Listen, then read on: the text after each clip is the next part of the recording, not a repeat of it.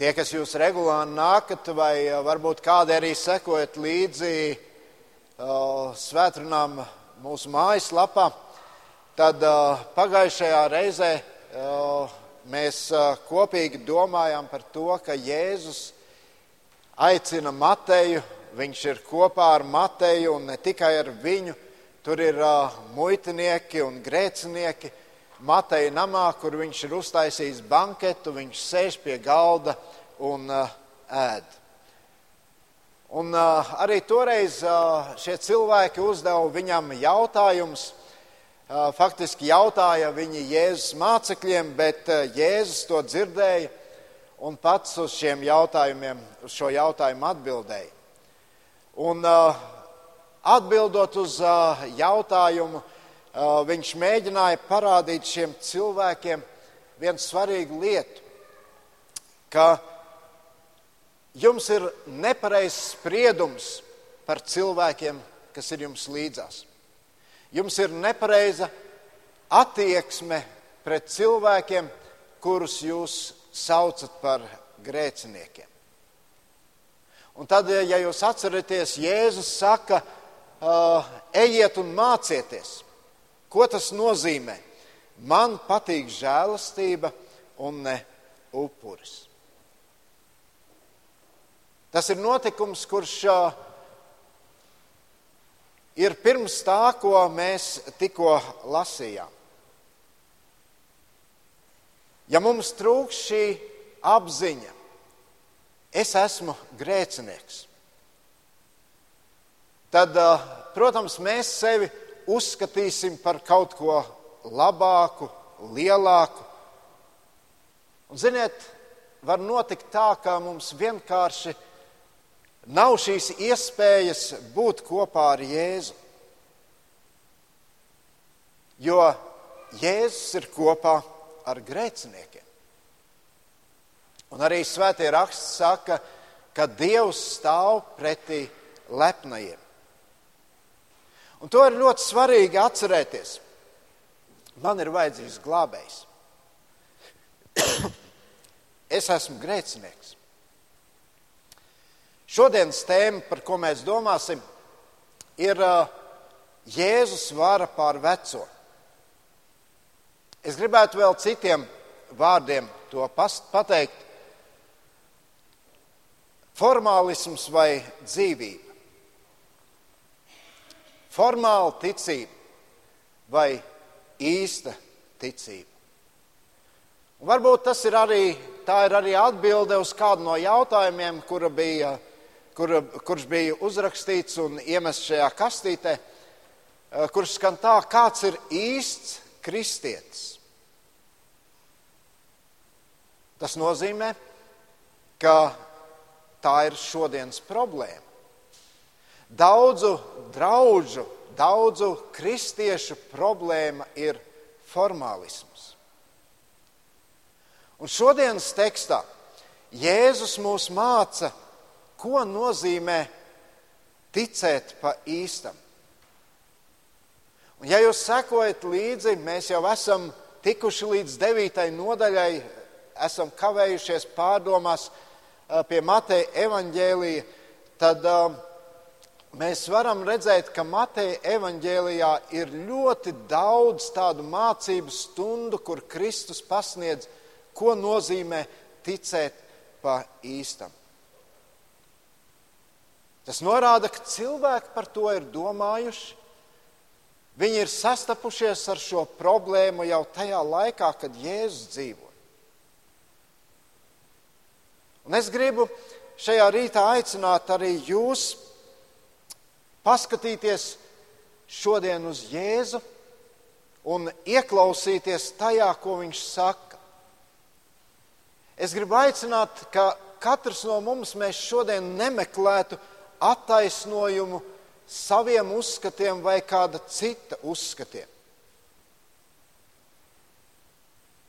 Es gribu šajā rītā aicināt jūs nebūt tādiem ekspertiem, kas no augšas skatās uz uh, Jēzu, bet šajā rītā saprast, es esmu grēcinieks. Man ir vajadzīgs glābējs. Es gribu atkal no jauna no viņa mācīties. Ir lietas mūsu dzīvē, pie kā mēs esam pieraduši, un mums liekas, nu tā lieta mani padara par kaut ko īpašu Dieva acīs. Tās var būt dažādas darbības, ko mēs darām. Un mums liekas, nu, tas, ko es daru, tas mani padara par īpašu garīgu cilvēku. Vai kaut ko jūs nesaklausāt no šīs stāsta, ko mēs tikko lasījām? Kur Jēzus sarunājās ar Jāņa mācekļiem, arī tur ir kāda lieta, ko viņi saka Kristum, un viņi saka, mēs esam kaut kas. Mēs esam īpaši garīgi cilvēki. Jāņa mācekļi bija vecās derības mācekļi. Apustuļu darbu, apustuļu darbu grāmatā 19. nodaļā mēs uh, lasām, kā arī apustulis Pāvils sastapās ar šiem cilvēkiem. Viņš viņiem pasludina evaņģēliju un uh, pieved viņus Kristum. Tie bija ļaudis, kas tikai nedaudz atšķīrās no rakstu mācītājiem un farizējiem. Daudzas lietas, ko Jāņa mācekļi darīja, to darīja arī rakstu mācītāji un farizēji. Un viena, viena lieta, ko viņi praktizēja, bija gavēšana.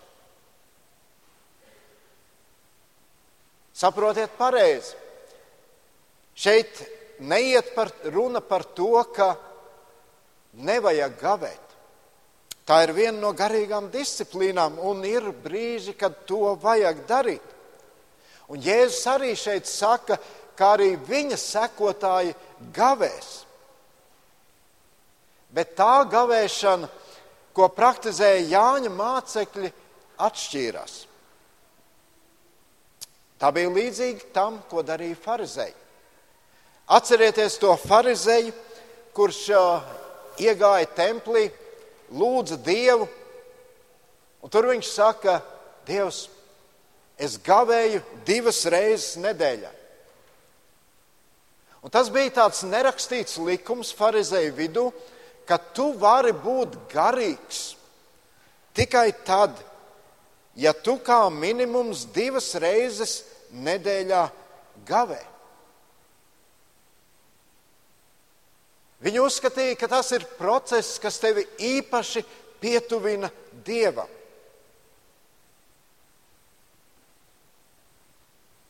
Ir vēl kāda lieta, pret ko savā laikā iestājas Jēzus un uh, Kalnu svētdienā, Mateja evaņģēlijas 6. nodaļā. Jēzus runā par cilvēkiem, kuri lūdz Dievu. kas tad tur slikts, vai tad nevajag lūgt? Vajag. Bet tie bija cilvēki, kuri izgāja uz ielas, nostājās uz ielas stūra, un tad viņi lūdza. Lūdza skaļā balsī, pievērsa visu uzmanību. Redz, cik es esmu ticīgs, redz, cik es esmu tuvu Dievam. Bet Jēzus rāda, ka tāda lūkšana Dieva acīs neko nenozīmē. Jēzus savā laikā ļoti stingri iestājās pret šo izrādīšanos, pret šo formālismu. Viņš ļoti asiem vārdiem to nosodīja. Bet tāpat laikā viņš rāda, ka ir tikai viens ceļš, kā tu vari izrauties no šīm formālisma vai paštaisnības važām. Atzīt, ka tu esi grēcinieks atzīt, ka man ir vajadzīgs glābējs, ar kuru man ir īstas, dzīves, patiesas attiecības. Ievadā Raimons lasīja rakstu vietu no Jāņa evaņģēlīja 4. nodaļas. Un tur Jēzus sastopas ar kādu sievieti, samarieti pie jēkaba akas. Pilna problēma buķete viņas dzīvē. Un Jēzus par to atklāti ar viņu runā. Bet tāpat laikā mēs varam noprast, ka kaut kāda izpratne par Dievu arī viņā bija. Bet klausoties tajā, ko Jēzus viņai saka, viņa saprot, nē, šis ir īpašs cilvēks, šis ir pravietis, kas ar mani runā.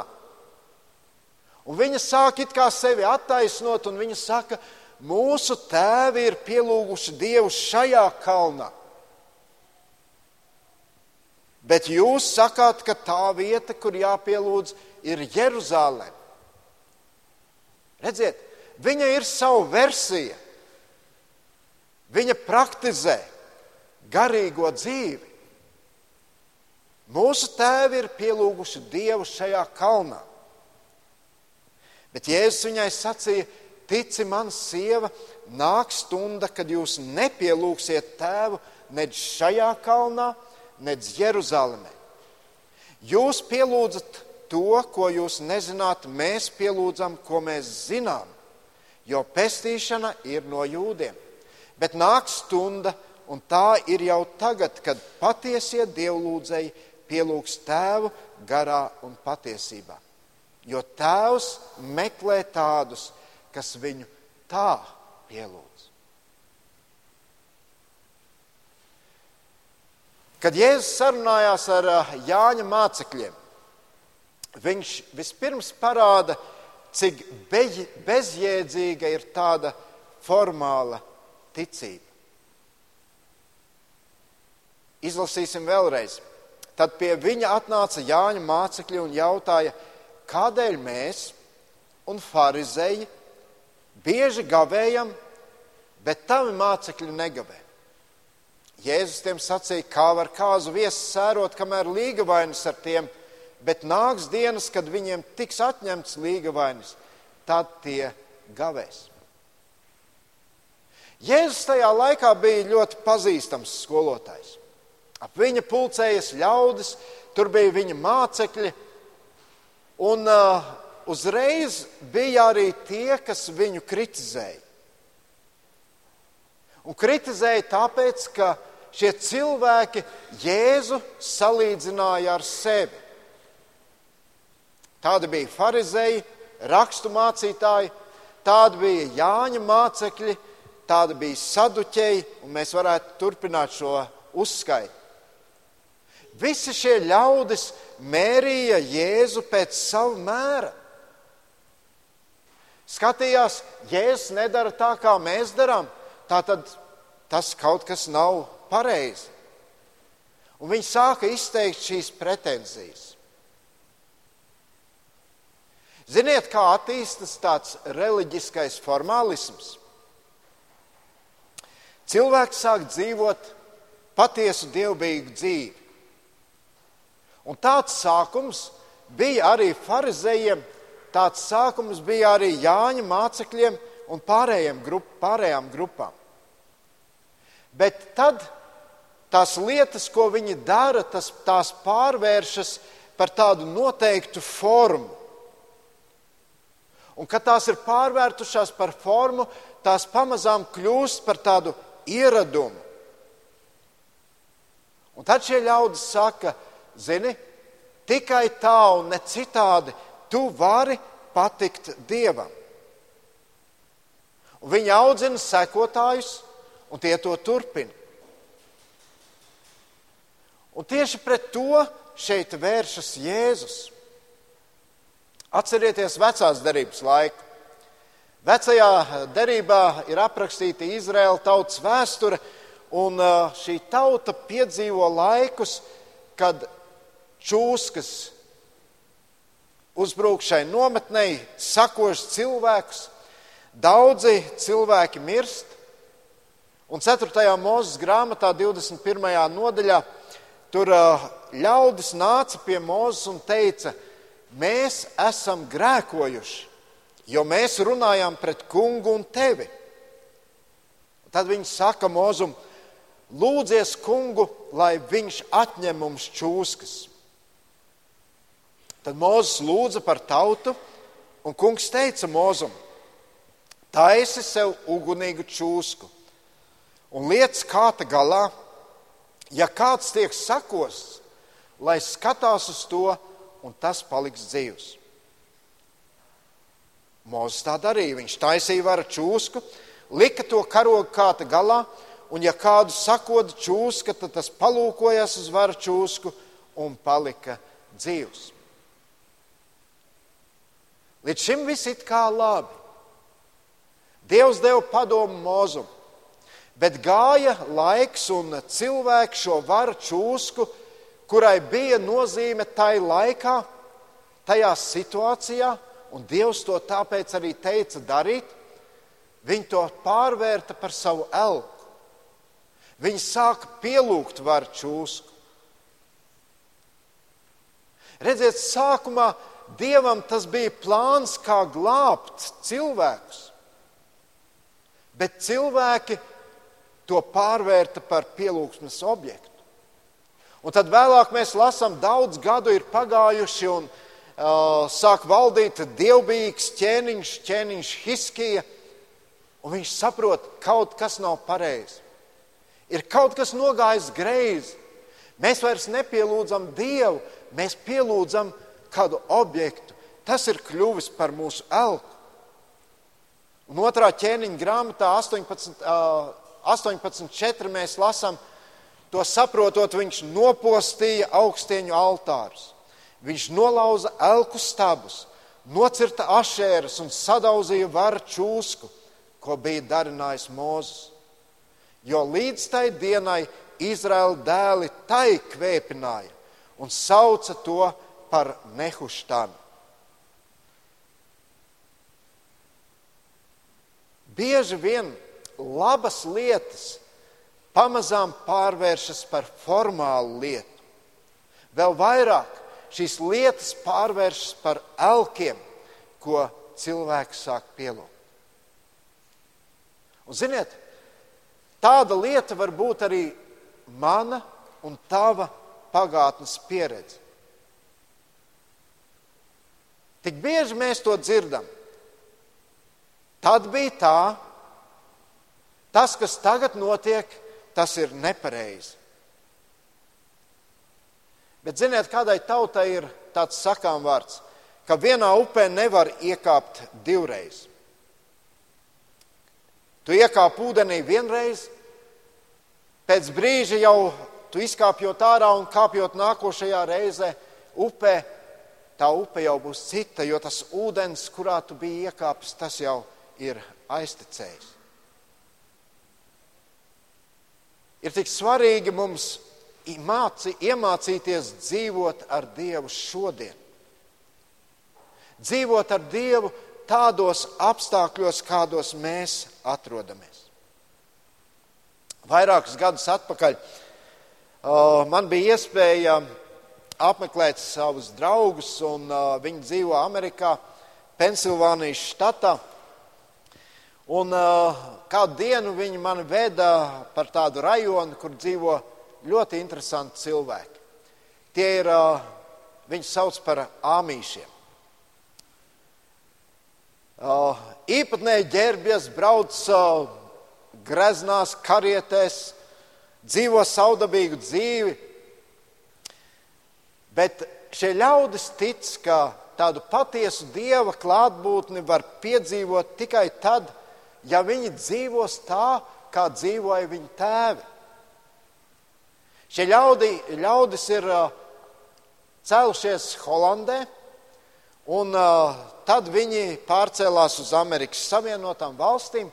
Holandē tajā laikā nebija elektrības, pārcēlušies uz Ameriku elektrifikācija gāja pilnā sparā, bet viņi teica, nē, nē, vadus vilkt, nē. Un tā viņi dzīvo joprojām. Mēs dzīvosim tā, kā mūsu tēvi ir dzīvojuši. Viņi domāja, ka šie vadi, tas viņus sasaistīs, tas viņus, viņus sasaistīs ar pasauli, ar pasaulīgo. Vēlāk telefons arī viņi neizmantoja. Tagad mobīlē telefoni tos viņi lieto. Tur nav vadi. Bet, ziniet, kad par visu to domājam, tad mēs redzam, tur vairs nav nekāda garīguma. Kaut gan šie ļaudis domā, ka viņi ir ļoti garīgi. Ziniet, tādai formālai ticībai, ar ko bieži varbūt arī mēs sastopamies, ir vairākas bīstamības. Vispirms jau tas, ka formāli ticot, mēs mānam paši sevi. Otrā vēstule Timotejam, trešajā nodaļā, no 1 līdz 5 pantam, apustulis Pāvils par to runā. Viņš saka, bet zini, ka pēdējās dienās iestāsies grūti laiki, jo cilvēki būs patmīlīgi, naudas kāri, lielīgi, augstprātīgi, zaimotāji, nepaklausīgi saviem vecākiem, nepateicīgi, nešķīsti, cietsirdīgi, nesamierināmi, apmelotāji, nesavaldīgi, mežonīgi, ļauni, nodevīgi, pārgalvīgi, lepnuma apstulbināti, baudas vairāk mīlēdami nekā dievu. Un tad klausieties, bet tērpušies dievbijības izskatā, bet tās spēku noliegdami. Mēs varētu, uz, ja mēs klausījāmies šajā uzskaitījumā, mēs varētu teikt, briesmīgi cilvēki. Bet Pāvils saka, tērpušies dievbijības izskatā. Kādu laiku atpakaļ mēs domājam par uh, vēstījumiem septiņām draudzēm. Un, uh, tur mēs atklāsmes grāmatā, trešajā nodaļā, pirmajā pantā lasām, un sardas draudzes eņģelim, eņģelim raksti. Tā saka tas, kam ir septiņi dievu gari un septiņas zvaigznes. Es zinu tavus darbus, jo tev ir vārds, it kā tu būtu dzīvs, bet tu esi miris. Par ko? Kristus šeit runā? Formālisms. Formālismu problēma ir, ka cilvēks domā, ka viņš ir dzīvs. Bet Kristus saka, viņš ir miris. Šajā pašā nodaļā, eh, no 17. līdz 18. pantam, mēs lasām, jo tu saki, es esmu bagāts un man bagātības pa pilnam. Man netrūks nekā, bet tu zini, ka esi nelaimīgs un nožēlojams, nabaks, akls un kails. Es tev dodu padomu, nopirkt no manis zeltu, kausēt uguni, lai tu kļūtu bagāts, un baltas drēbes, lai tu to apvilktu, un nebūtu redzams tavs kail, tava kailuma kauns, un dziedinošu ziedi, lai tu ieziestu savas acis un spētu redzēt. ja mēs nākam pie Kristus. Un ja tas iemesls, kāpēc mēs to darām, ir tas, lai meklētu glābšanu, mēs nedomājam, ka mēs esam bagāti. Bet mēs saprotam, ka mūsu dzīve ir bankrotējusi. Mēs apzināmies, mums vajag to, kas šo bagātību mums var sniegt, kas mūs var izglābt, un tas ir Kristus. Lūkas evanģēlijas 18. nodaļa. Jau manis pieminētais stāsts par uh, farizēju. Farizējs nostājies sauru plūdzu tā, Dievs, es tev pateicos, ka es neesmu kā pārējie cilvēki, laupītāji, ļaundari, laulības apgānītāji, vai arī kā šis te muitnieks. Es gavēju divreiz nedēļā un dodu desmito tiesu no visa, ko iegūstu. Ievērojiet, Pharizējs domāja, tas, ka es regulāri gavēju, tas, ka es dodu desmito tiesu, tas man taisnos. Dievs citādi uz mani skatīsies. Bet Kristus saka, ka attaisnots no tempļa aizgāja nevis šis farizējs, kurš domāja, ka viņš ir taisns, bet muitnieks. Cilvēks, kurš vispār nebija reliģiozs cilvēks, bet kurš tajā brīdī lūdza dieva žēlastību. Cilvēks, kurš tajā brīdī pat neuzdrošinājās acis pacelt uz debesīm, kurš sita pa savām krūtīm un sacīja: Dievs, esi man grēciniekam žēlīgs.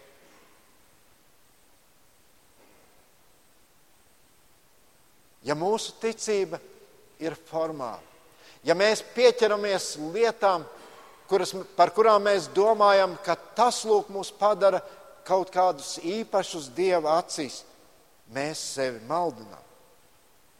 Bet eh, formāli ticot, mēs varam maldināt arī citus. Mēs jau cilvēki mācāmies viens no otra. Un, ziniet, kādreiz tās sirds sažņaudzas, kad, citi, kad cilvēki, kad tu viņiem, ar viņiem runā par Dievu, un viņi saka, tu zini, man tāda draudzene nav vajadzīga. Ja tur ir tādi cilvēki, tad man tāda draudzene nav vajadzīga. Jā, mēs jau cilvēki neviens neesam perfekti. Un dažādi mēs esam. Bet cilvēki no malas grib ieraudzīt ticīgos patiesu dzīvību. Nevis tikai formālas darbības. Viņi grib redzēt ticības īstumu.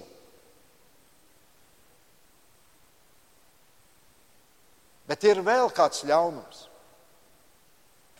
Ja nu cilvēki raugoties uz, tādiem, uz tādu formālu ticību, ko daudzi praktizē, viņi uzskata, ka tā ir tā īstā, un arī paši to sāk praktizēt. Tas ir briesmīgi. Un Mateja evanģēlijā 23. nodaļā Jēzus saka, vai jums rakstu mācītāji un farizēji jūs liekuļi, jūs braukājat apkārt pa jūru un sauzemi, lai kādu pievērstu savai ticībai. Un kad tas noticis, jūs padarāt viņu par Elles dēlu, divu tik ļaunāku nekā jūs paši. Jēzus rāda, ka formālu ticību tu vari ļoti viegli nodot tālāk. Tas notiek ģimenēs. Bērni redz savu vecāku ticību, un viņi turpina to tāpat praktizēt. Bet Jēzus saka, runājot par šīm lietām, viņš parāda, ka cilvēks nevar dzīvot ar kaut kādām pagātnes lietām. Bērni nevar dzīvot ar vecāku ticību. Bībele saka, katram ir jāpiedzimst no jauna. Mīļie draugi, Dievs necieš formālismu. Tā ir rakstīts viņa vārdā. Izlasīsim Iesaistas grāmatu pirmā nodaļa. Iesaistas grāmatu pirmā nodaļa no 11. līdz 18. pantam. Kam man jūsu daudzie upuri, saka kungs? Man ir līdz sātam jūsu sadedzināmo upuru auni un nobaroto lopu treknums. Vēr, vēršu, jēru un nāžu asinis es nekāroju. Kad jūs nākat rādīties man, kas no jums to prasa, ka manu pagalmu mīdat? Nenesiet vairs nevērtas dāvanas, man riebi jūsu kvēpināmais. Jaunu mēnesi, sabatu un sapulces es nevaru ciest, tās ir krāšņas un grēcīgas. Jūsu mēnešu sākumus un svētkus nīst manu dvēseli, man tie kļuvuši par nastu, es esmu paguris nest. Kad pletīsiet rokas, es savas acis no jums paslēpšu. Pat ja bez mitas lūgsieties, es neklausīšos. Jūsu rokas asiņu pilnas, un tad Dievs saka: mazgājieties, šķīstieties, aizvāciet savus ļaunos darbus no manām acīm, stājieties darīt ļaunu, mācieties darīt labu, dzenieties pēc taisnības, lai apspiestais laimīgs. Taisnīgi tiesājiet bāreni, aizstāviet atraiti. Nu, nāciet un norēķināsimies, saka kungs. Ja jūsu grēki būtu kā purpurs, tie būs balti kā sniegs. Ja tie būtu karmīna sārti, tie balos kā vilna. ļoti spēcīgi vārdi, tāpat laikā biedinoši vārdi, kas aicina mums ielūkoties sevi. Kā es kalpoju Dievam? Vai mana ticība ir īsta, patiesa, vai tā ir formāla? Ja tas, ko tu dari, ir tikai forma, un tur nav tavas sirds, tad Bībele saka, es nevaru to ciest. Dievs to necieš. Beidziet, beidziet to darīt. Jūsu rīcība mani aizvaino. Bet Jēzus šajā rakstu vietā, ko mēs lasījām, viņš nerunā tikai par formālismu. Viņš runā arī par dzīvu ticību.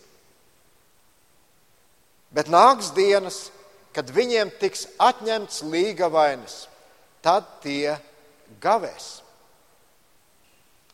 Jēzus mācīja, ko nozīmē patiesas attiecības ar Dievu, ko nozīmē patiesi kalpot Dievam. Un tad, kad to saprotam, tad arī gavēšana tā iegūst pavisam citu jēgu.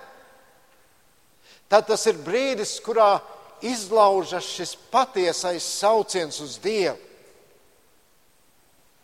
Un, ziniet, patiesu ticību tu nevari ielikt kaut kādos rāmīšos.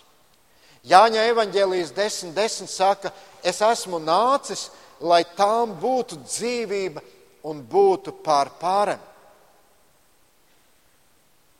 Nekādu formu, formas dēļ Jēzus nāca, bet viņš nāca, lai dotu mums iespēju būt personīgās attiecībās ar viņu. Jāņa evanģēlijas 6,35. Jēzus tiem sacīja, es esmu dzīvības maize, kas nāk pie manis, tam nesalks, un kas man tic, tam neslāps ne mūžam. Jāņa evanģēlijas 15,4 līdz 5. Palieciet manī, un es jūsos. Kā zars nevar nest augļus pats no sevis, ja tas nepaliek pie vīna koka, tāpat nevar, nevarat arī jūs, ja nepaliekat manī. Es esmu vīna koks, jūs esat zari. Kas manī paliek un es viņā, tas nes daudz augļu, jo bez manis jūs nieka nespējat darīt.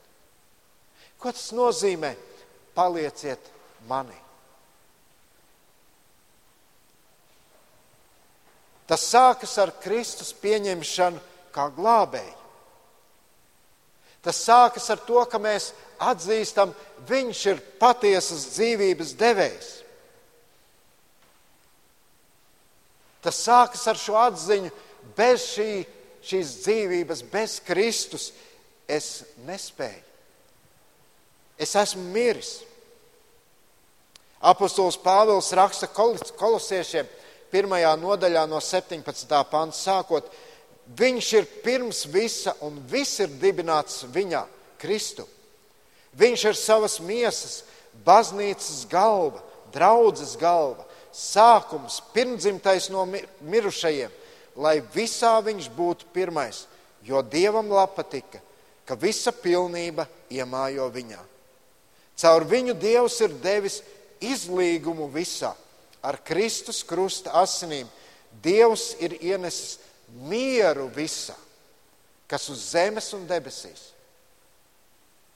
Arī jūs reiz bijāt dievam atsvešināti un naidīgi noskaņoti, ļaunajos darbos iegrimuši, bet tagad Dievs ir devis izlīgumu Kristu caur viņa nāvi cilvēciskajā miesā, lai jūs vestu savā priekšā svētumam izredzētus, neaptraipītus un nevainojumus. Ja vien jūs paliksiet ticībā, likti uz droša pamata un neizkustināmi no cerības, kas ir evaņģēlijā, ko jūs esat dzirdējuši. Tas ir pasludināts visai radībai zem debesis, un es, Pāvils, nu esmu kļuvis šā evaņģēlīja kalps. Kalps. Īsta dzīvība sākas un formālisms beidzas brīdī, kad mēs pieņemam šo izlīgumu Kristu. Un turpinājums ir atzīt Kristu kā savas dzīves kungu, dzīvot ar šo atziņu. Kolosiešiem 2. nodaļa, 6. un 7. pants. Tā kā jūs esat pieņēmuši Kristu Jēzu par kungu, tad viņā arī dzīvojiet. Iesakņojieties, topiet kā nams, kas uz viņa būvēts, esiet ticībā stipri, kā esat mācīti, pāri plūzdami pateic, pateicībā. Mīļie draugi, neļaujiet nekam citam aizstāt dzīves patiesas attiecības ar Kristu. Un Jēzus nobeigumā saka, ka formāla ticība, formālā ticībā nav iespējama patiesa dzīvība. Neviens nešuj jaunu audumu ielāpu uz vecām drēbēm, jo ielāps noplīst no drēbēm un plīsums kļūst vēl lielāks. Tāpat arī jaunu vīnu neviens nelēja vecos ādas maisos, citādi maiss saplīst un vīns izlīst un maiss iet bojā. Bet jaunu vīnu lej jaunos maisos, tad veseli paliek abi. Nav iespējams drusku formāli ticēt un dzīvot ar Kristu. Ir svarīgi iemācīties dzīvot ar Kristu. Ar to, kurš ir teicis, kas bijis, ir pagājis. Redzi, es visu daru jaunu. Jēzus neliek ielāpu uz mūsu vecajām dzīvēm. Jēzus grib būt mūsu dzīve. Jēzus neielēja jaunu saturu kaut kur. Viņš visu dara jaunu. Uzsvaru liekot uz formu, mēs nekad nespēsim dzīvot ar Kristu. To atcerēsimies. Par to runā šīs dienas Dieva vārds. To Jēzus centās paskaidrot Jāņa mācekļiem. To viņš mēģina paskaidrot arī mums. Galatiešiem apustulis Pāvils 5. nodaļā saka, jūs, kas gribat bauslībā tikt attaisnot, esat šķirti no Kristus. Jūs esat atkrituši no žēlstības, bet mēs garā gaidām uz taisnības cerību, kas ir no ticības. Lai Dievs palīdz! ka mēs dzīvotu īstu dzīvi, izdzīvotu īstu dzīvu ticību kopā ar Kristu. Lai noliekam malā tās formālās lietas, kas mums pašiem liekas tik svarīgas. Bet Dieva vārdā raugoties, ļaujot, lai svētais gars pārveido mūs, dzīvosim īstu patiesu kristiešu dzīvi. Lūksim Dievu! Debes Tēvs, paldies Tev, ka Tu mums atklāji šīs lietas. Un tu redzi, varbūt ir tik daudz lietas arī manā dzīvē, pie kā varbūt mēs esam pieķērušies un, pieķērušies un domājam, jā, tas ir tas, kas Tev ir patīkams. Bet, kungs, palīdz mums ieraudzīt, ko Tavs vārds par visu to saka.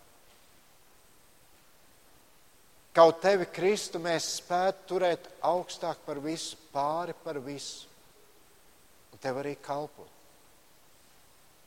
Lai tā dzīvība, kur, kur tikai tu spēj dot, lai tā piepilda katru vienu no mums. Tā ir lūkšana, ko es tev lūdzu par sevi.